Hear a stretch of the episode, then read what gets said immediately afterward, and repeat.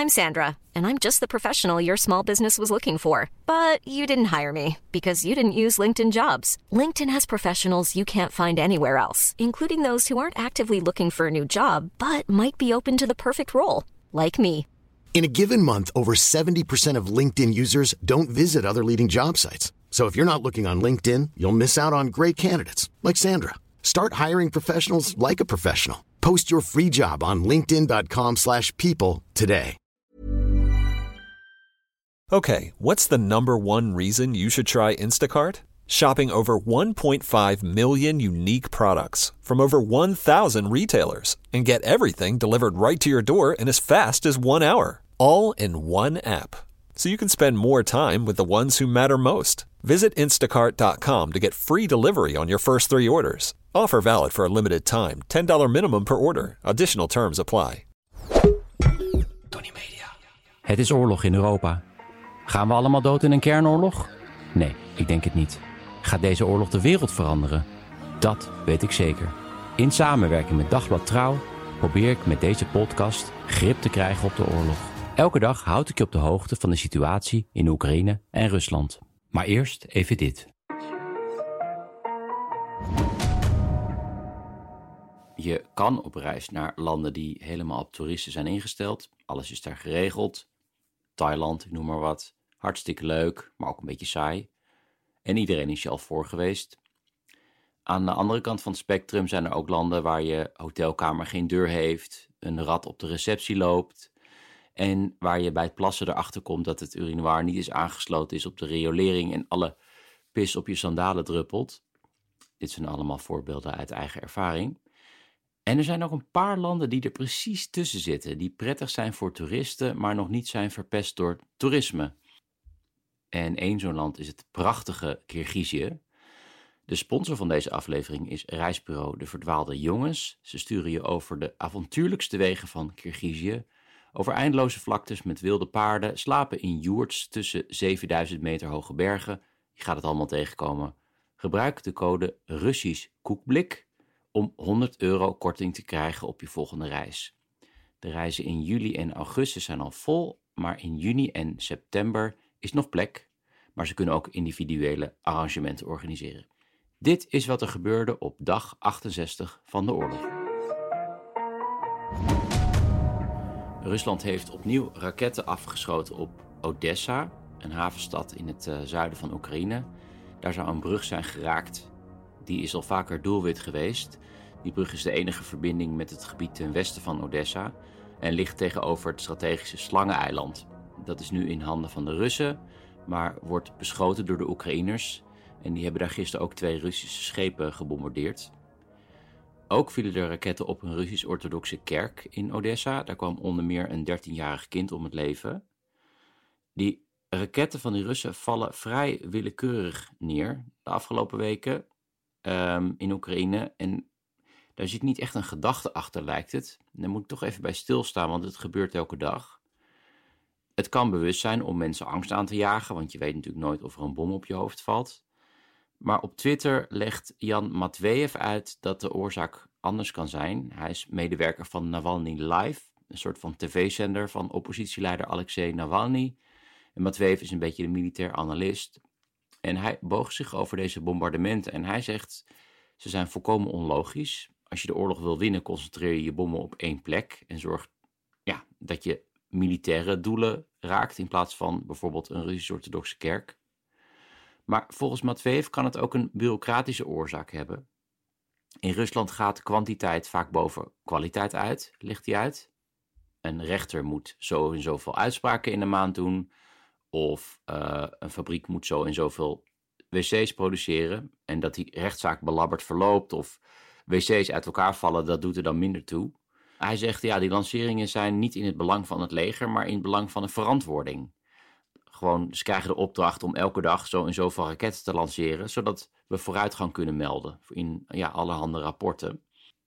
En in die rapporten gaat het gewoon om dat ze een grote hoeveelheid doelen hebben geraakt. Of die doelen strategisch zijn, dat doet er dan minder toe. Dat is op zich in het voordeel van Oekraïne, ondanks natuurlijk die uh, burgerdoden. Want Die raketten gaan zo in rap tempo op en ondersteunen op geen enkele manier het offensief in de Donbass bijvoorbeeld, duizend kilometer verderop. En het verklaart misschien ook de merkwaardige gang van zaken aan het front in eh, Donbass, want ook daar is wel een gek patroon te zien. Russen nemen vaak een dorp in om de volgende dag uh, de dorp niet meer te verdedigen en te vertrekken. Waarom zou je dat nou weer doen?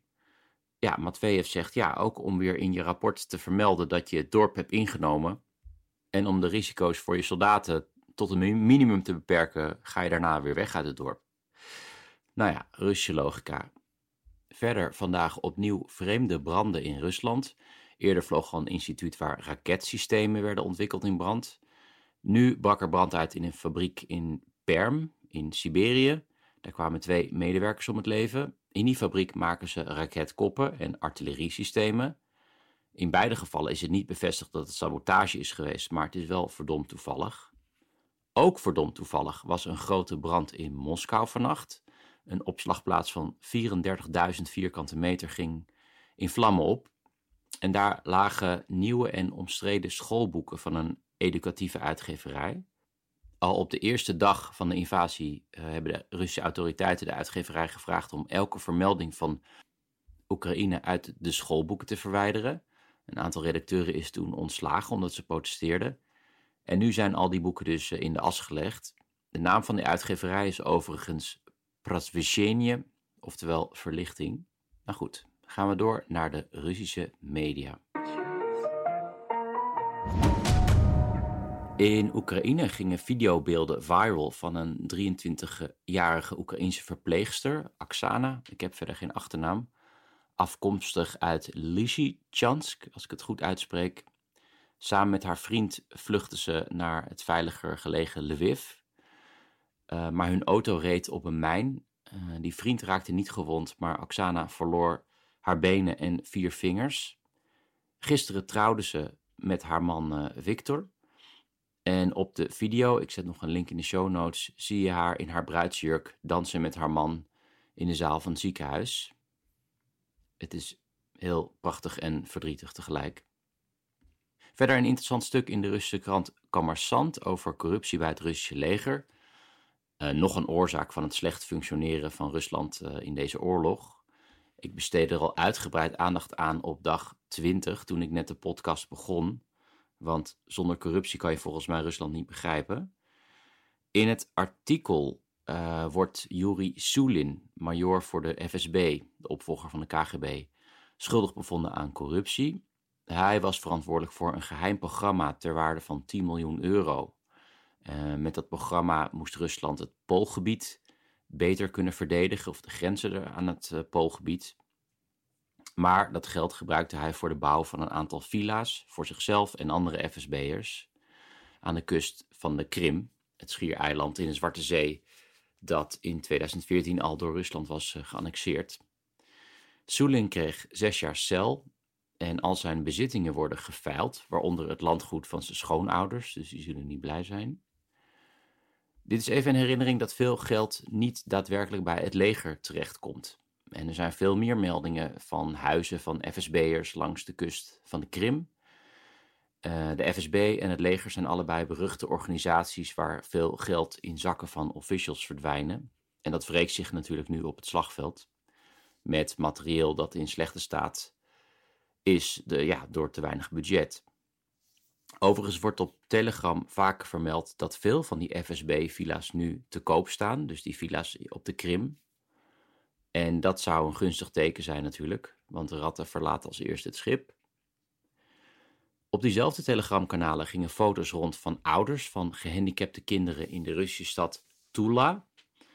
Een liefdadigheidsorganisatie met kennelijk korte lijntjes naar de Cheetos-fabriek. De chips dus, de Cheetos. Uh, hadden 1100 zakken Cheetos geschonken aan deze gezinnen. Op zich al een vrij bizar gegeven. Maar waarom die foto's zoveel gedeeld zijn, uh, heeft te maken met de stellen op de foto die helemaal niet lachen. Dat doen Russen sowieso wat minder snel dan westerse mensen. Dat is een beetje een cultureel verschil. Vooral in het openbare leven ja, zie je niet echt veel mensen lachen. Uh, als, als ik vrienden over heb uit Nederland, in uh, Moskou toen ik daar nog woonde, en die een beetje glimlachend om zich heen keek in de metro, dachten Russen dat die vrienden waren ontsnapt uit een psychiatrische inrichting waarschijnlijk.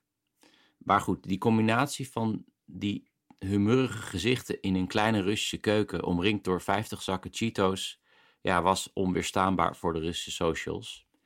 Ik zet nog een link in de show notes. Oké, en dan nog dit. Wie wil begrijpen hoe de Russische media functioneren en hoe onder Poetin die Russische media ontwikkelde in een indrukwekkende propagandamachine, zou het boek Niets is waar en alles is mogelijk van de Russische journalist Peter Pomerantsev eens moeten lezen. Hij legt uit hoe Rusland aan het begin van dit uh, millennium een beetje als eerste land de waarheid begon te verdraaien en een zaadje planten voor anderen, van Donald Trump tot Thierry Baudet. Je wordt er niet vrolijker van, maar wel wijzer. Ik zet een link in de show notes naar een artikel uh, in Trouw over dit boek. Hoe dan ook, die Pomerantsev schreef een heel interessant stuk in The Atlantic, waar je volgens mij zo een mooi toneelstuk van kan maken, over een familie in het Oekraïense Lukashivka, of Lukashivka, weet ik niet precies waar de nadruk ligt. Uh, dat dorp was al een paar weken bezet geweest door het Russische leger. En Pomerantsev spreekt een familie uit dat dorp met de ongebruikelijke achternaam Horbonos. Uh, het gaat om Sergei en Irina en hun zoon van 25, Nikita. Na de bezetting dwingen Russische soldaten uh, het gezin uit de schuilkelder te komen en gooien daarna een granaat in die schuilkelder voor eventuele Oekraïnse soldaten die daar verstopt zitten. Dus daar kunnen ze niet meer in. Uh, dus het gezin gaat schuilen bij de buren, want die bommen gaan gewoon door. En daar is het zo koud en nat dat ze teruggaan naar hun eigen huis. Maar daar zitten intussen vijf Russische soldaten ingekwartierd.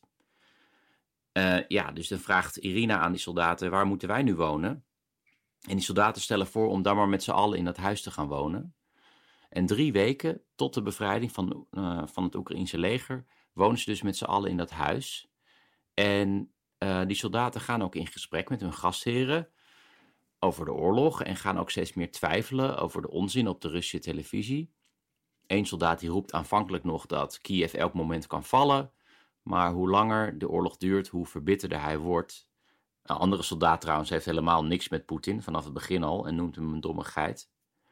Ze blijven voornamelijk in het huis, want ook de soldaten zijn bang voor bombardementen. En ze maken allemaal grappen over één soldaat die bij de minste geringste geluid zich verstopt. En op een dag gaan ze met z'n allen kruiden zoeken voor thee. Vind ik ja, ook wel eigenlijk een hele mooie scène voor een toneelstuk of een film. Uh, iets waar Russen en Oekraïners een soort natuurlijk talent voor hebben: het zoeken van kruiden. En dan zien ze dus de verwoesting in het dorp. En die soldaten bieden hun excuses aan en noemen vanaf dat moment het ook echt een oorlog en niet een speciale militaire operatie, zoals ze horen te doen. En dan komen de Oekraïnse soldaten dichterbij na een paar weken en uh, vertrekken ze. En die bange soldaat die zegt dat hij met pensioen gaat. En hij belooft dan een deel van zijn pensioen naar de hoorbono's op te sturen. Uh, ja, dit verhaal is denk ik nog een reden waarom die strijd in de Donbass moeizaam gaat. Want er wordt daar gevochten door Russische soldaten die eerder bij Kiev en Chernihiv vochten. En bij wie misschien de kleppen van de ogen een beetje zijn gevallen. Of in ieder geval dat ze af en toe door een klein spleetje de werkelijkheid hebben gezien. En die misschien weinig gemotiveerd zijn om nog op Oekraïners te schieten. Dat hoop ik althans. Ik zet nog een link naar het stuk in de show notes. Dat was het voor vandaag en tot morgen. Dit was een productie van Tony Media en Dagblad Trouw. Voor meer verdieping ga naar trouw.nl. Planning for your next trip? Elevate your travel style with Quince. Quince has all the jet-setting essentials you'll want for your next getaway, like European linen, premium luggage options, buttery soft Italian leather bags, and so much more. And is all priced at 50 to 80% less than similar brands. Plus, Quince only works with factories that use safe and ethical manufacturing practices. Pack your bags with high-quality essentials you'll be wearing for vacations to come with Quince. Go to quince.com/pack for free shipping and 365-day returns.